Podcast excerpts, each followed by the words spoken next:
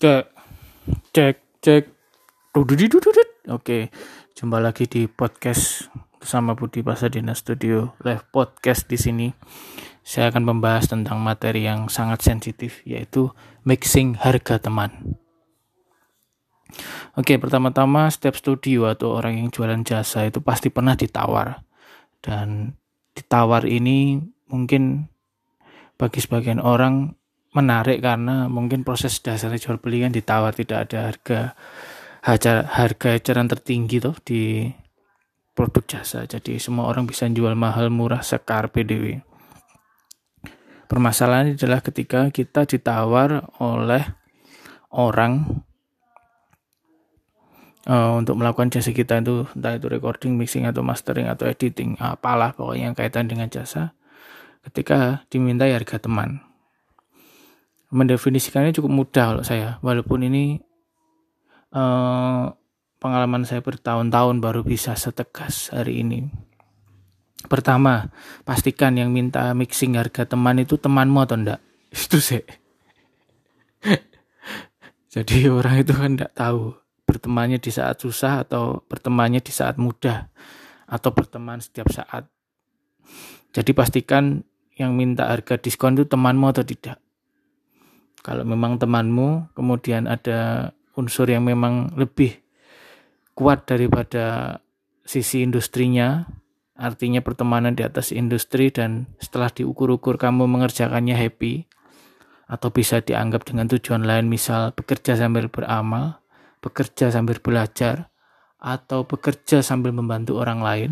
Karena setiap pekerjaan itu kan sifatnya uh, bisa serial, bisa paralel kalau pekerjaan itu serial kita untung semua untung. Tapi kalau pekerjaan itu sifatnya paralel mungkin yang untung kita aja tapi orang lain tidak diuntungkan. Bisa seperti itu. Jadi yang pertama pastikan dia itu temanmu atau tidak. Saya jujur tidak pernah memberikan harga diskon kepada klien karena itu merupakan harga yang sudah cukup murah dan layak untuk mereka dapatkan. Tapi saya sering membantu teman-teman dekat yang betul-betul saya anggap teman untuk mendapatkan servis saya dengan harga di bawah harga jual.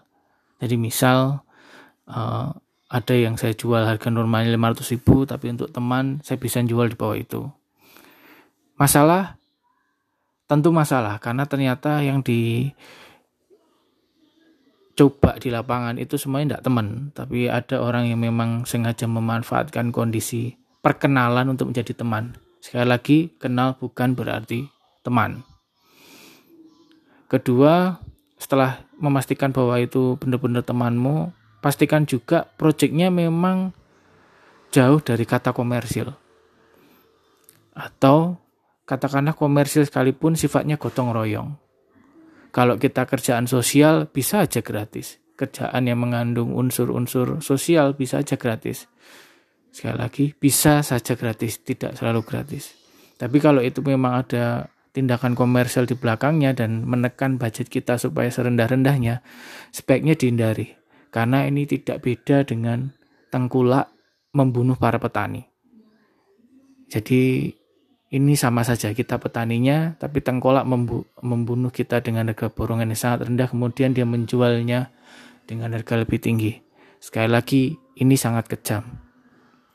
Tapi kalau itu kegiatan sosial dan uh, memang sifatnya untuk sosial, tidak ada salahnya kita menurunkan budget atau bahkan kalau kita benar-benar ikhlas mengerjakannya dan suka dikasih gratis juga nanti efeknya balik lagi ke kita.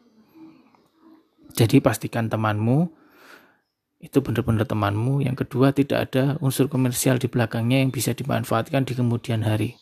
Bahkan produk-produk uh, hak intelektual yang pada awalnya sudah ada jelas uh, klausanya itu bisa saja dimanfaatkan di kemudian hari dengan nilai komersial yang pada awalnya tidak diprediksi bahkan bisa sebesar itu.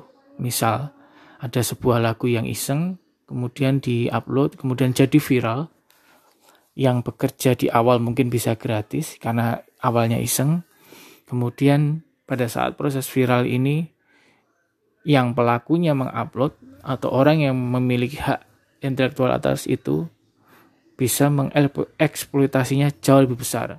Padahal awalnya iseng. Jadi pahami dulu. Kalau memang tidak siap memberikan harga teman dan memang beresiko di kemudian hari mending jobnya ditolak deh. Daripada kita memiliki efek berkembang berkepanjangan jadi kira-kira seperti itu. Jadi bisa dipahami uh, itu bisa di apa istilahnya di cek uh, sejauh mana tingkatan kerja kita dan efeknya di masa depan. Karena sebagian orang yang ambil job di bawah harga rata-rata itu pasti mereka yang belum pernah berpikiran seperti ini karena mungkin tingkat kebutuhan orang lain itu berbeda-beda dan saya tidak bisa menyalahkan itu. Tapi resikonya sudah jelas ketika job yang kamu ambil itu kamu pasang di bawah harga rata-rata, kemudian hasil dari kerjaan itu di masa depan ternyata ekspektasi atau dari hasil penjualannya atau apa pun lah itu jauh lebih besar dan kamu merasa tidak tidak dapat apa-apa, ya jangan mengeluh. Karena itu hadapannya memang dihadapkan dengan teori seperti itu. Dan untuk intelektual seperti karya cipta lagu, kemudian apa pun yang berbasis hak intelektual itu pasti ada nilai ekonomisnya, tergantung siapa yang jual. Sekali lagi, tergantung siapa yang menjual. Bisa saja lagu fals kalau yang jualan pinter, atau lagu jelek produksinya. Karena di seni tidak mengenal jelek, apalagi di industri seni ya tidak mengenal jelek tidak mengenal teori-teori pasti. Yang laku itulah yang mendapatkan banyak uang walaupun barangnya jelek sekali. Jadi kira-kira seperti itu. Ada yang ingin ditanyakan? Karena memang saya jarang sekali mendapatkan pertanyaan seperti ini ya. Atau pertanyaan ini ditujukan kepada saya oleh murid-murid murid-murid saya yang sudah berpengalaman di atas dua atau tiga tahun. Gimana Mas Cari menghadapi klien yang seperti ini? Saya jawab seperti itu. Lalu bagaimana ketika uh, kita tidak sanggup mengerjakannya atau kita tidak mau mengerjakannya? Tidak usah dikerjain, ini kerjaan. Kerjaan itu kan tidak harus dikerjakan. Kecuali kalau kamu kerja sosial, kerja bakti, ada unsur sosial di sana, ada unsur uh, perikemanusiaan di sana. Tapi kalau ini tidak ada, ini hanya serta-merta membuat karya, ini hanya bekerja, bekerja dan bekerja. Hobi bisa, tapi hobi pun sekarang kan bisa dikomersilkan atau mengandung nilai komersil. Tidak ada hobi yang gratis. Hobi tidur saja itu pasti perlu kasur atau atap supaya tidurnya enak. Atau minimal kamu dalam kondisi kenyang. Jadi sebenarnya semua bisa dihitung apalagi dengan zaman seperti ini pasti ada nilai ekonominya, pasti. Tidak ada yang murni gratis. Nah, pertanyaannya adalah kamu mau melakukan itu atau tidak? Kalau mau, resikonya seperti yang sudah saya ceritakan, bisa lebih baik atau bisa lebih buruk. Tapi kalau nggak mau, ya ditolak saja. Tidak masalah. Terima kasih.